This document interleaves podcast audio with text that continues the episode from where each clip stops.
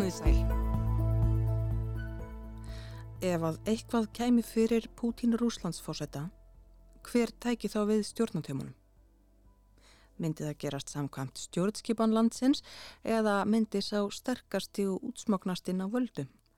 Eru ennbætismenni Rúslandi allir undir hælnum á Moskúvaldinu, hverjir eru nánir bandamenn Pútins? Þarf Pútín að halda hernum góðum til að halda völdum? Og er staða Pútins ennþá trygg? Ég heiti Ragnhildur Torlasíus og í þetta helst í dag spyr ég Jón Ólafsson profesor spurninga um stjórnskipan Rúslands og Pútín fórseta. Svona, halló. Halló. Jón Ólafsson profesor, ef eitthvað skildi nú koma fyrir Pútín og ég er ekki að segja að það sé neitt þannig yfirvofandi en að eitthvað kemur fyrir hann, hver tæki þó þið? Já, ef við horfum á það bara frá stjórnskipilegu sjónamiði, þá er það fórsættisáþarann eða svo það heitir í Rúslandi fórsætti ríkistjórnarinnar og hann heitir um þessa myndir Mikhail Mishustin. Það er stjórnarskráðan er með mjög skýr, skýra reglur um röð á eftirmönnum ef eitthvað svona gerist, þannig að hann kemur fyrstur, það er engin varafórsætti og síðan væru það fórseti efri deildar þingsins ef hann skildi ekki geta tekið ennbættinu og, og þá fórseti neðri deildar. Þannig að, að þetta er röðinn af þeim sem að tækju strax við og nú getur maður spurt að hvað, hvað þýðir það? Það er því bæntanlega enn til kostninga uh, innan einhvers ákveðins tíma ef að, ef að enginn þessar að þryggja getur tekið við að þá þarf að gera það innan þryggja mánuða og við getum alveg gert ráð fyrir því að ef að eitthvað gerist skyndilega, veikindi eða slís eða eitthvað slíkt, að þá munir þessi stjórnskipulegu mekanismar alveg virka. Uh, hins vegar mun væntanlega hefjast valdabaróta um leið og þá getur auðvitað ímislegt farið á, á skrið. Mm. Maður þekkir svo illa stjórnskipanina í Rúslandi, það, þú heldur að hún myndi halda sér að þessu og það að stjórnaskráni er því fyllt, það kæmi ekki einhver bara inn og myndi hrifsa völdin?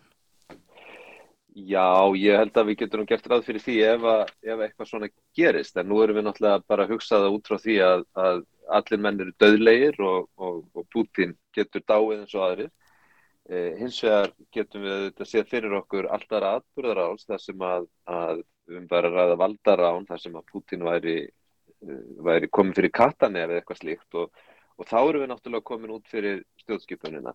En sko kannski ágætt að ef við, ef við horfum bara á því hvernig rúsnarku stjórnskipunum virkar þá hefur Putin auðvitað mótað hana að mjög miklu leiti á sínum langa valdaferli og hún þjónar honum bísna vel þannig að, að völd hans bæði formleg og ófyrformleg eru, eru mjög vel tryggð það er, það er hins vegar miklu flóknara sko hvort að sko völdin sem Putin hefur að hver miklu leiti þau myndu færast yfir á þenn sem kemur á eftir mm. og ég held að við getum alveg gefið okkur að til dæmis maður eins og með Sustin sem er, hann er nú álitinn einn valdamesti maður landsins fyrir utan Putin og hann er mjög áhrifamikill.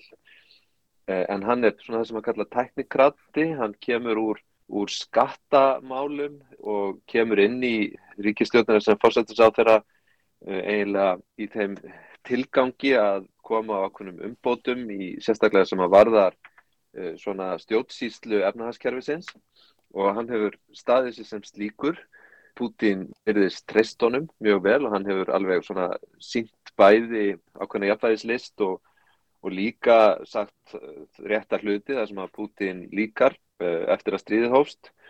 Uh, hins vegar þá er hann ekki með þennan svona valda basis sem að, að Putin hefur þannig að við getum alveg gefið okkur það að segjum að eitthvað kemur fyrir, hann tæki við, þá myndi maður telja frekar ólíklegt að hann yrði sko framtíðar leiðtögi, það myndi byrja valdabaróta og þá eru aðrir sem að, að eru svona líkleri til þess að, að geta komið þarna í staðin mm. og, og það eru þetta kannski stóra spurningin sko hvaða aðilar það eru, hvað einstaklingar það eru næst uh, Putin sem að, að gætu skapað sér stöðu til þess að ná völdum Það er til dæmis uh, áhugavert að eftir að Putin lísti yfir innlimun þessara fjögur að hér aða í Úkrænu þá sapnaðist allur valdakjarnin saman í Moskvu til að hlýða á, á ræðu Putins við það tilefni meðal annars uh, Ramzan Kadyrov sem er hérastjóri í Tjetjeni og mjög áberandi.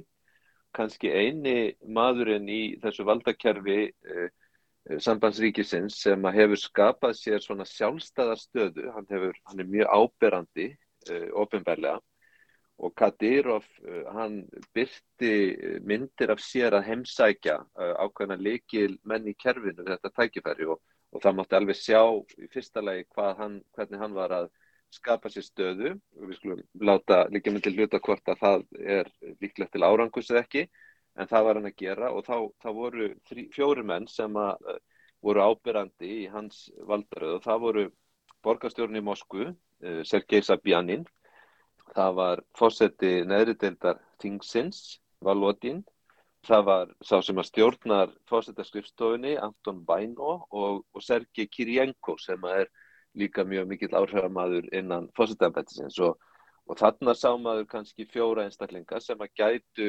verið einhvers konar vonar peningur að minnstakosti í því millibils ástandi sem að myndi skapast ef að Putin hirfi af vettvangi. Mm.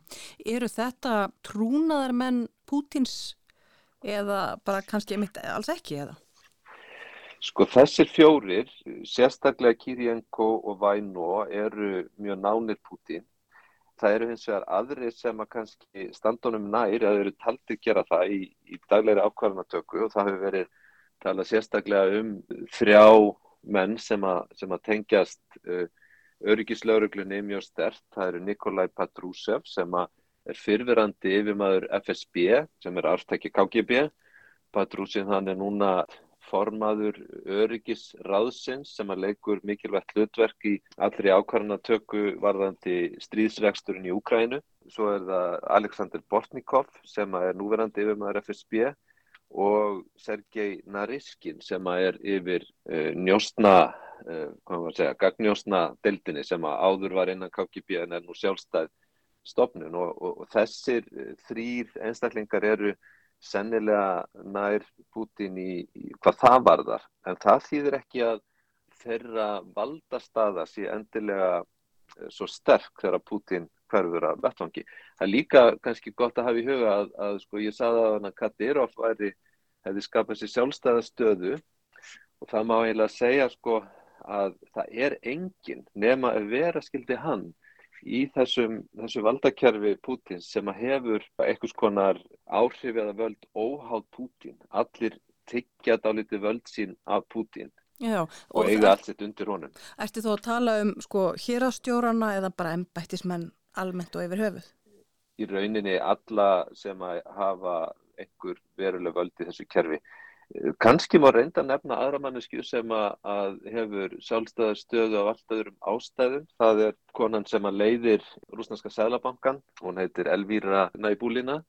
Hún hefur sagt hluti í sambandi við uh, horfurnar í efnaðasmálum sem að, að eru einfallega raunsæjar og hefur komist upp með það Eh, líklega vegna þess að hún er talin hafa dýrt þessari stopnun að mikilli, já bara mjög faglega og miklum styrk í, í mörg ár og Putin getur eiginlega ekki ánægna verið en það eru ekki margir þannig embætismenn í kerfinu sem eru augljóslega svo mikilvægir bara til þess að, að halda hlutunum gangandi að, að Putin get ekki barkaðinn þegar honum dettur það í hug.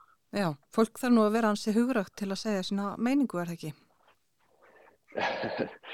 Jú, sko, nú er það ekki þannig og það er kannski líka afgeft að, að taka það fram, sko, að, að þó Rúsland í dag sé vissulega einræðisríki, þá er það ekki þannig að, að menn séu leitið til slátrunar um leið og þeir segja eitthvað sem að fellur ekki kramið. Við erum ekki á Stalin-tímanum beinlinis, en hins vegar að það er mjög ólíklegt að ennbætismadur eða einhver sem vil fram með stjórnmálum rýði feitum hesti frá því að setja fram gaggríni sem á einhvern nátt fellur ekki krami hjá Putin eða kemur sér ítla fyrir hann. menn er að, að slátra sínum starfsframa, má segja, en kannski ekki benlinis að setja sér í lífsættu. En Jón Ólússon, hvað með herin? Þarf fórsetir Úslands að hafa herin á sínu bandi til að halda völdum eins og enn og sumstaðar? Þetta er atriði sem hefur alltaf verið svona staldið sérstökum hætti í Úslandi og áður Sovjetríkjónum að, að herin hefur í rauninni ekki gert sig breyðan á hennum pólitíska vettvangi. Og það var eins þegar að Sovjetríkjum var að liðast í sundur að þessari spurningu var oft veldu upp, getur herin ekki bara tekið völdin? Ef að yfirmönnum hans finnst allt fyrir að fara á böndunum og sjálfsagt gætan það en þessar tilnefingar virðast mjög veikar innan hessins, hann er svona professional að því leiti það er líka þannig núna að varnamálar á þeirra stendur frekar veikt Sergei Saigu, hann er svona hefur bæði er hann talin helsutæpur mögulega og auk þess hefur náttúrulega þessar hrakvarir í Ukrænu hafa skuldin hefur einhver leiti verið skellt á hann. Það hefur líka verið mikil gaggríni á yfirmenn hessins vegna ákveðna mistak í Ukrænu þannig ég held að bæði sé ekki svona hefðin eh, fyrir því að, að herin fari að ógna politísku valdi nýja sé staða leiðandi að afla það með sem hætti að, að það gefið þeim einhverja, einhvern styrk til þess að gera það. Þannig að ég myndi telli það mjög ólíklegt að, að einhverjir generálar eða einhverjir af þessum helstu yfirmennum hessins myndu ógna Pútín. En er Pútín bara tryggur í, í sinni stöðu sem Rúslands fórsætti?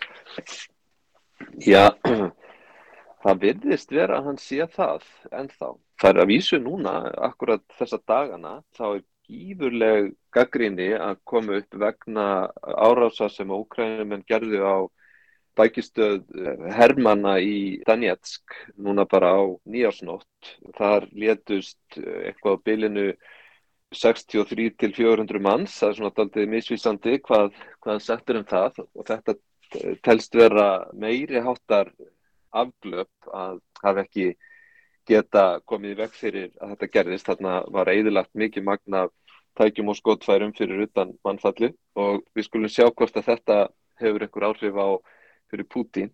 En sko staðans er, ég myndi segja hún er viðkvæm en hún er ekki veik.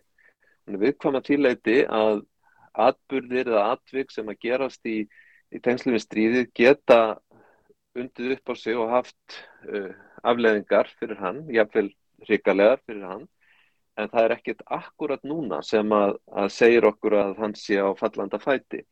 Og svo er kannski líka annað sko að elitan er svo háð Putin og á svo mikið undir honum og það er svo mikil óvisa sem að hlýtur að koma upp fyrir langt flesta þar ef að Putin fellur. Svo getur maður hort líka á stjórnkerfið heilsinni. Rúsland er sambandsríki og því tilhera eftir innlemun fjögur að hér aða í Ukrænu 89 einingar eða aðila sambandsins. Og þessi, þessar einingar eða þessi fylki Rúslands eru hafa á pappirnum mjög mikla sjálfstjórn og miklu meiri sjálfstjórn í raun heldur en var í, í sovjerska kerfinu sem var líka sambandskerfi. Og þar er miklu floknari struktúr sko meðan Putin heldur þeirri stöðan sem hann hefur núna þá er mjög ólíklegt að sjá fyrir sér að fylgisleiðtóar eða gúbernatorar fari á einhvern nátt að rýsa upp eða taka sér saman gegn Moskvuvaldinu. Hins vegar, ef að það veikist mjög valdið í Moskva, það verður einhvers konar klopningur eða, eða við skulum segja til dæmis að eh, annarkost Putin falli frá eða á einhvern nátt hann sé svona jæðarsettur eða komin út í hotn og önnur öll séu farin að láta á sér kræla, þá getur mjög margt þarð að gerast eh, meðal fylgjana. Það er kannski líka það sem að það glittir alltaf í óttan við hrun ríkisins hjá yfirvöldum í Moskvu og það er náttúrulega það sem að Putin segir að Vesturlund vilja að Rúsland liðist í sundur. En þetta er alveg raunverulegu möguleiki. Ef miðstjórnar valdið í Moskvu er orðið þess eðlis að það ógnar ekki, það hefur ekki svona þetta hreðjatak á fylgjónum sem það hefur í dag og uh, það verður jáfnveil mikilvægt fyrir uh, einstök svæði að tryggja sína hagsmunni kakvart öðrum að þá getur farið af stað atbyrðar á sem að, að hefur uh, svona, já, maður geti séð bara spilaborg hrinja. Þetta er miklu flóknara og rosalegra í eðli sínu heldur en einhvers konar valda skipti í Moskvu út af fyrir sig. Takk fyrir það, Jón Ólafsson, profesor við Háskóla Íslands. Jón kennir meðal annars rúsnesk fræði við háskólan en ég heiti Ragnhildur Torlasjós og ég spurðan Jón út í stjórnskipan Rúslands og hver tæki eiginlega við ef það kemi eitthvað fyrir Pútín.